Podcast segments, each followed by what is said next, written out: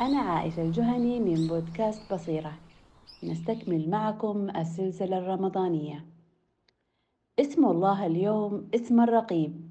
من أسماء الله البديعة ونعت آخر من نعوته الجليلة. مما لو عرفنا حقيقته واستجلينا عظمته انضبطت أفعالنا وصدقت أقوالنا وحسنت تصرفاتنا واستقامت علاقاتنا.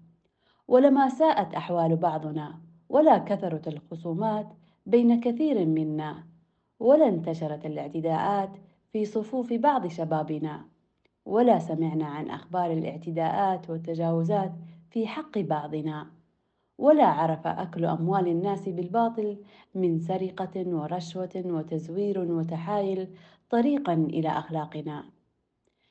إنه اسم الله الرقيب. الذي يرقب كل شيء ويحفظه ويعلم كل شيء ويخبره. لا يخفي عليه من العبد سره ولا علانيته ولا ظاهره ولا باطنه. المدبر أمر مملكته أحاط بها حفظا وتقديرا وامرا ومالا. ولفظ الرقيب مأخوذ من مادة رقبة وهو المكان العالي الذي ينتصب فيه الناظر فيراقب منه.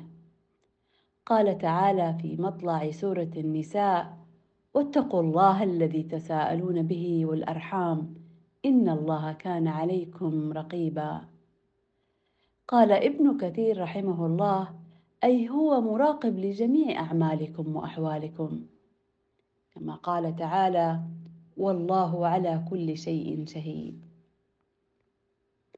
قال القشيري رحمه الله تعليقا على جواب جبريل عليه السلام رسول الله صلى الله عليه وسلم عن معنى الإحسان.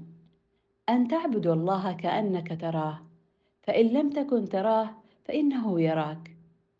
إشارة إلى حالة المراقبة لأن المراقبة علم العبد باطلاع الرب سبحانه عليه. فلو تخيلت أنك محاط بكاميرات مراقبة في كل مكان تحصي عليك حركاتك وسكناتك في بيتك وفي حيك وفي سوقك وفي عملك وفي سفرك.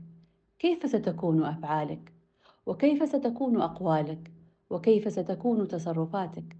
هذا والمراقب بشر من البشر. فكيف والمراقب الله الذي خلقك والذي سواك فعدلك؟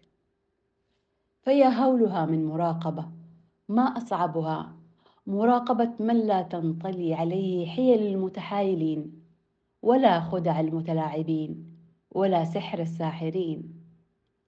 سئل ذنون بما ينال العبد الجنة؟